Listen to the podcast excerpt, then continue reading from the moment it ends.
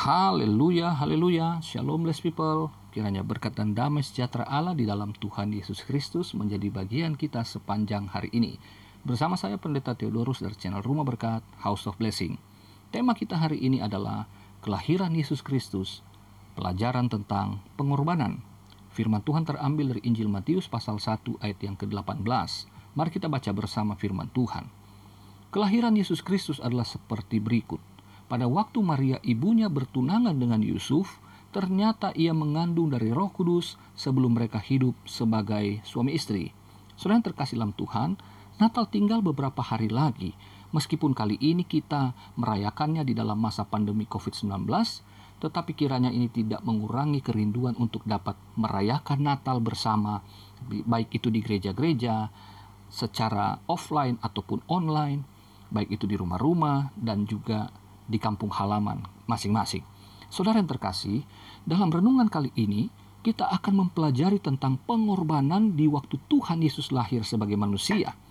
Kita akan belajar bahwa hari Natal ini bukan sekedar pesta pora dengan pohon terang dan segala aksesorisnya. Natal bukan sekedar memikirkan untuk menyiapkan kue-kue dan baju baru, tetapi hari Natal kiranya dapat menjadi sebuah perenungan spiritual akan arti pengorbanan. Saudara, mari kita kembali ke ayat pokok, yaitu di sana diceritakan bahwa Maria bertunangan dengan Yusuf. Dalam tradisi Yahudi, pertunangan itu terbagi dua. Ya. Pertunangan yang pertama atau engagement, yaitu dua orang yang dipertunangkan oleh orang tua pada waktu mereka masih kecil dan belum saling mengenal. Pertunangan tahap pertama ini bisa dibatalkan, saudara. Lalu ada pertunangan tingkat kedua atau betrothal yaitu dua orang yang telah dipertunangkan yang sudah cukup umur. Mereka sudah disebut suami istri, tetapi mereka belum tinggal bersama dan mereka belum boleh melakukan hubungan seksual. Dan dalam tradisi Yahudi, pemutusan pertunangan di tahap yang kedua ini dianggap sebagai perceraian dan dianggap sebagai dosa. Dan pertunangan tahap kedua hanya berlangsung satu tahun sebelum mereka boleh satu rumah dan berhubungan seks. Nah, saudaraku, masalahnya ialah Maria mengandung sebelum ia dan Yusuf hidup sebagai suami istri di ayat 18. Matius mencatat bahwa Maria mengandung dari Roh Kudus. Tetapi pada waktu itu Yusuf belum tahu sampai malaikat Tuhan memberitahukan bahwa anak yang dikandung Maria adalah dari Roh Kudus di ayat yang ke-20. Oke, kita langsung masuk kepada inti. Saudaraku, dari proses kelahiran Yesus Kristus ini kita dapat pelajaran tentang pengorbanan. Jadi kita mendapatkan pelajaran tentang pengorbanan. Yang pertama, pengorbanan Maria. Saudara, dengan situasi seperti ini, Maria bisa dituduh berjinah dan dihukum mati apabila Yusuf tidak mau mengakui kehamilan Maria tersebut. Ini sesuai dengan ancaman Taurat di dalam ulangan pasal 22 ayat 23 dan 24. Tetapi Maria mau berkorban saudara. Mengapa?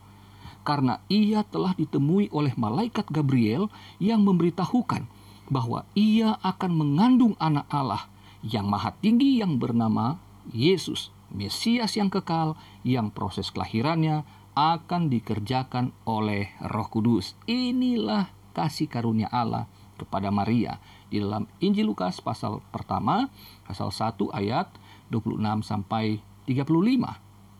Dan perhatikan saudara, respon Maria ini sungguh luar biasa. Ia berkata, "Sesungguhnya aku ini adalah hamba Tuhan. Jadilah padaku menurut perkataanmu itu."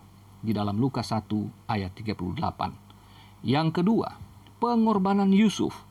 Saudaraku, ketika Yusuf mengetahui Maria hamil sebelum ia bersetubuh dengannya, Yusuf memilih untuk menceraikannya diam-diam supaya Maria tidak dipermalukan nama baiknya setelah ia mempertimbangkannya di Matius 1 ayat 19 sampai 20a. Jadi saudara, Yusuf mau menceraikan Maria tetapi ia tidak tergesa-gesa, tidak terburu-buru, dibakar emosi, lalu kemudian memutuskan dan bertindak. Tetapi luar biasa, Yusuf mempertimbangkannya dengan matang sebelum ia mengambil keputusan. Nah, saudara yang terkasih dalam Tuhan, di sini kita melihat Yusuf rela kehilangan martabatnya sebagai seorang suami demi melindungi istrinya, karena ia seorang yang tulus hati. Seorang yang tulus hati, terjemahan yang lebih tepatnya yaitu seorang yang benar. Saudara, benar dalam Perjanjian Lama adalah sesuai hati Allah dan hukumnya. Jadi, Yusuf sedang menyatakan belas kasihan dan kemurahan hati kepada Maria. Saudaraku, kemudian Yusuf mengurungkan maksudnya ketika ia ditemui oleh malaikat Tuhan yang menjelaskan bahwa anak yang dikandung Maria berasal dari Roh Kudus yang harus ia namai Yesus sesuai dengan maksud Allah kepada umat manusia, yaitu Dia menyelamatkan mereka dari dosa, seperti yang telah dinubuatkan oleh Nabi Yesaya tentang namanya yaitu Immanuel Allah beserta kita. Saudara, ini tercatat di dalam Matius 1 ayat 20 sampai 23. Dan respon Yusuf pun luar biasa. Matius mencatat dalam pasal 1 ayat 24 ini, ia berbuat seperti yang diperintahkan malaikat Tuhan itu kepadanya ia kemudian mengambil Maria sebagai istrinya dan di ayat 25 dikatakan bahwa meskipun Maria telah menjadi istrinya tetapi Yusuf tidak bersetubuh dengan Maria sampai Yesus lahir. Ini bukan sekedar Yusuf menghormati kesucian Maria, tetapi ia sudah memahami bahwa yang dikandung oleh Maria adalah Allah yang Maha Kuasa melalui karya Roh Kudus. Jadi Yusuf tahu ia tidak boleh mencampur benihnya yang telah tercemar oleh dosa dengan apa yang dikandung oleh Maria yang kudus, anak Allah, Yesus Kristus. Saudara yang terkasih dalam Tuhan. Jadi di sini kita bisa melihat bahwa Maria dan Yusuf rela berkorban karena mereka percaya pada Allah. Mereka taat dan mengabaikan kepentingan diri sendiri karena melihat rencana Allah yang besar dan agung melalui kelahiran Yesus Kristus itu. Haleluya. Dan pada poin yang ketiga, inilah sesungguhnya pengorbanan yang terbesar adalah pengorbanan Yesus Kristus.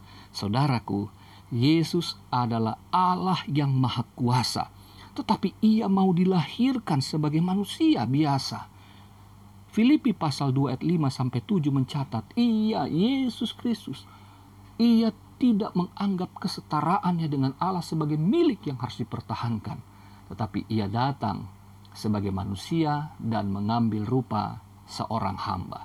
Betapa Allah yang Maha Kuasa adalah Allah yang sangat rendah hati. Haleluya. Dan di sini dikatakan Yesus taat kepada Bapaknya karena misinya yaitu untuk menyelamatkan manusia dari dosa seperti yang disampaikan malaikat Gabriel kepada Maria dan Yusuf.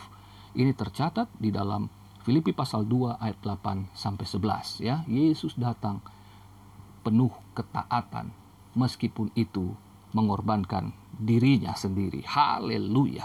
Jadi saudara yang terkasih dalam Tuhan, kita yang percaya kepada Yesus bukan sekedar percaya tetapi juga harus disertai dengan ketaatan yang penuh, karena kita melihat Natal ini bukan tentang diri kita, tetapi tentang Allah yang Maha Kuasa hadir bagi dunia. Pandemi COVID-19 terus mengancam umat manusia, tetapi kita percaya pada kedaulatan dan kuasa Allah di dalam nama Tuhan Yesus Kristus itu untuk hadir memberikan terang pengharapan bagi dunia yang sedang diliputi oleh kegelapan dan penuh ketakutan. Saudara dan saya, mari kita bersatu hati sebagaimana Yusuf mempertimbangkan segala sesuatunya sebelum ia putuskan. Mari kita juga hari-hari ini mempertimbangkan bagaimana kita dapat melakukan hal-hal yang baik dan benar meskipun dalam keadaan sulit. Kita menjadi pelindung keluarga kita Jangan kita mempermalukan sesama tubuh Kristus. Hari-hari ini begitu banyak orang yang saling mempermalukan di media sosial, yang saling mempermalukan keluarganya sendiri di media sosial. Apakah itu suami, istri, anak, anak mantu dipermalukan di media sosial. Dan itu ditonton oleh orang banyak dan orang itu melihat identitas orang-orang yang menceritakan aib keluarga adalah orang Kristen. Saudara yang terkasih, mari kita belajar dari Maria untuk berserah pada kehendak Allah karena kita hanya hamba yang melakukan tugas-tugas yang diberi, diberikan atau dibebankan kepada kita. Mari kita lakukan pada saat-saat Natal ini kita menjadi berkat bagi orang lain sebagaimana Kristus datang untuk menolong dan memberkati umat manusia.